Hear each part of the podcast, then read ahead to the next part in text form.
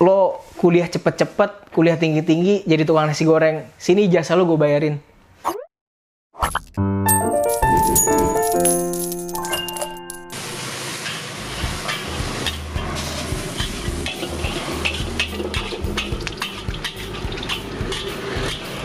Nama saya Maksal Minatul Salam.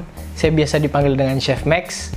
Saya mengawali uh, karir usaha jual nasi goreng kebuli dari 2016 awal.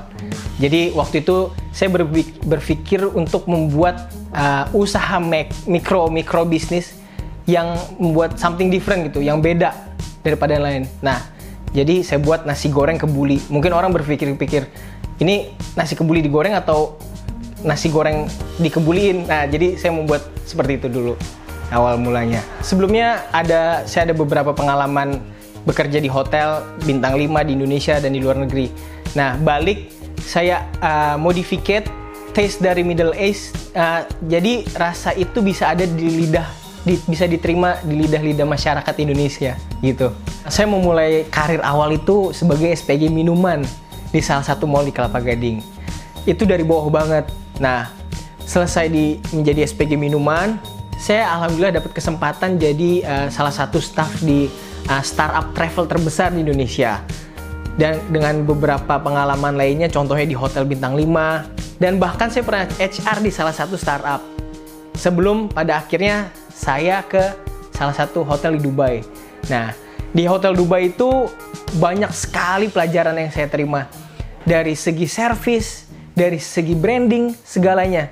Jadi uh, positifnya saya pada saat saya bekerja di setiap perusahaan, saya selalu mengambil uh, value yang baik untuk yang saya serap. Nah, tapi pada saat itu saya kurang ada kepuasan dalam diri saya. Bagi saya adalah kepuasan adalah bermanfaat untuk banyak orang. Tetapi pada saat itu saya hanya bermanfaat untuk company. Ketika ada seperti pandemi seperti ini, bukannya kita malah pasrah, tapi kita harus gali apa yang harus kita lakukan, promosi apa, marketing apa yang harus kita lakukan. Nah, jadi biarpun kita memulai dengan mikrobisnis, usaha yang kecil, tidak menutup kemungkinan kita untuk berpikir, berinovasi untuk mengembangkan kita usaha kita untuk lebih baik lagi gitu, lebih besar. Dengan adanya pandemi ini terpuruk sih enggak, tapi menurun. Tapi dengan menurunnya ini harus kita syukurin. Nah, jadi dikasih lebih kita bersyukur, dikasih seadanya jangan ngeluh gitu. Itu prinsip saya. Saya memulai usaha nasi goreng kebuli ini dari nol, dari ngedorong gerobak. Nah, ini challenge juga. Saya uh, sarjana, selesai kuliah, bekerja di salah satu uh, travel agent terbesar di Indonesia, salah satu hotel termewah bahkan di Asia. Tapi saya memutuskan diri untuk menjual nasi goreng. Itu challenge tapi saya belajar kepada pengusaha-pengusaha yang sudah levelnya di atas, salah satu modal berwirausaha bukan uang, tapi adalah gengsi. Tidak boleh gengsi, tinggalkan gengsi. Itu saya memulai nasi goreng itu dari dorong gerobak sendiri. Saya muter, saya keliling, sampai saya mangkal di satu tempat dicuci mobil. Itu saya bertahan satu tahun. Karena dengan inovasi, kerja keras, ulet, pantang menyerah, dan berbuat kebajikan, itu modal awal untuk upgrade kita punya usaha. Jadi seperti itu. Sehari satu porsi pun pernah waktu awal mulai. Tapi itu proses. Everything need proses nggak ada yang langsung instan gitu. Itu salah ketika ada orang yang underestimate terhadap saya. Itu salah satu keberuntungan saya untuk lebih meningkat dan meningkat lagi. Mungkin tanpa mereka orang yang mengunderestimate saya, usaha saya nggak seperti ini dikenal orang. Pernah ada teman saya datang, Alhamdulillah waktu itu saya akselerasi kuliah tiga setengah tahun doang. Teman saya datang, dia bilang, aduh, lo kuliah cepet-cepet, kuliah tinggi-tinggi, jadi tukang nasi goreng. Sini jasa lo gue bayarin.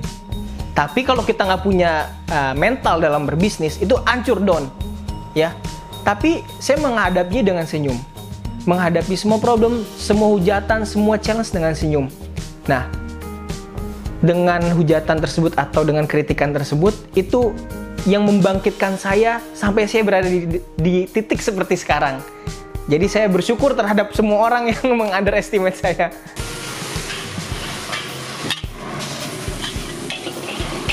Buat saya arti kesuksesan adalah kita bermanfaat untuk semua orang. Contoh, dengan buka nasi goreng ini, alhamdulillah uh, ramai, alhamdulillah orang banyak.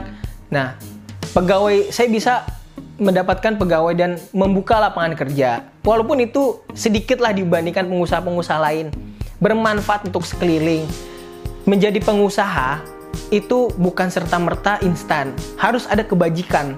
Di dalam kebajikan itu adalah ini yang banyak dilupakan orang. Mungkin pengusaha lain selalu fokus terhadap pajak negara, bayar pajak ini itu, tapi dia lupa bayar pajak dengan Tuhan. Contoh, kunci kesuksesan seorang pengusaha adalah berbuat kebajikan. Kalau dalam Islam kita ada namanya zakat fitrah, zakat mal, infak, sodako. Bahkan saya ada pendeta muda Kristen makan nasi goreng saya dan dia penasaran, chef ini kenapa bisa rame?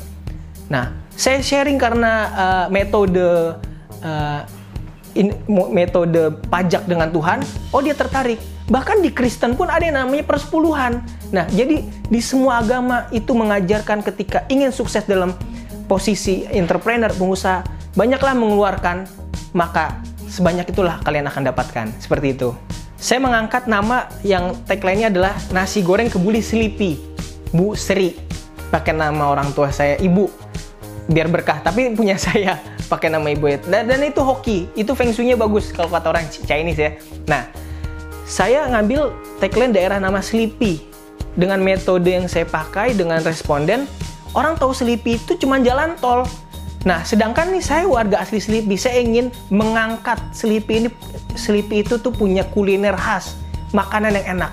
Dan alhamdulillah ketika sudah uh, running, sudah high penjualan, saya melakukan uh, metode penelitian lagi, alhamdulillah orang tahu tahu selipi karena ada nasi goreng kebuli selipi. Di situ ada poin plusnya.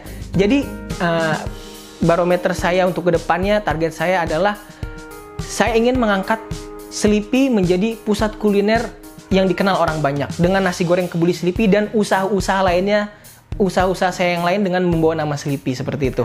Ya, uh, tips untuk uh, orang-orang di luar sana yang ingin menjadi entrepreneur di masa pandemi sekarang. Ini saya kasih tips nggak muluk-muluk.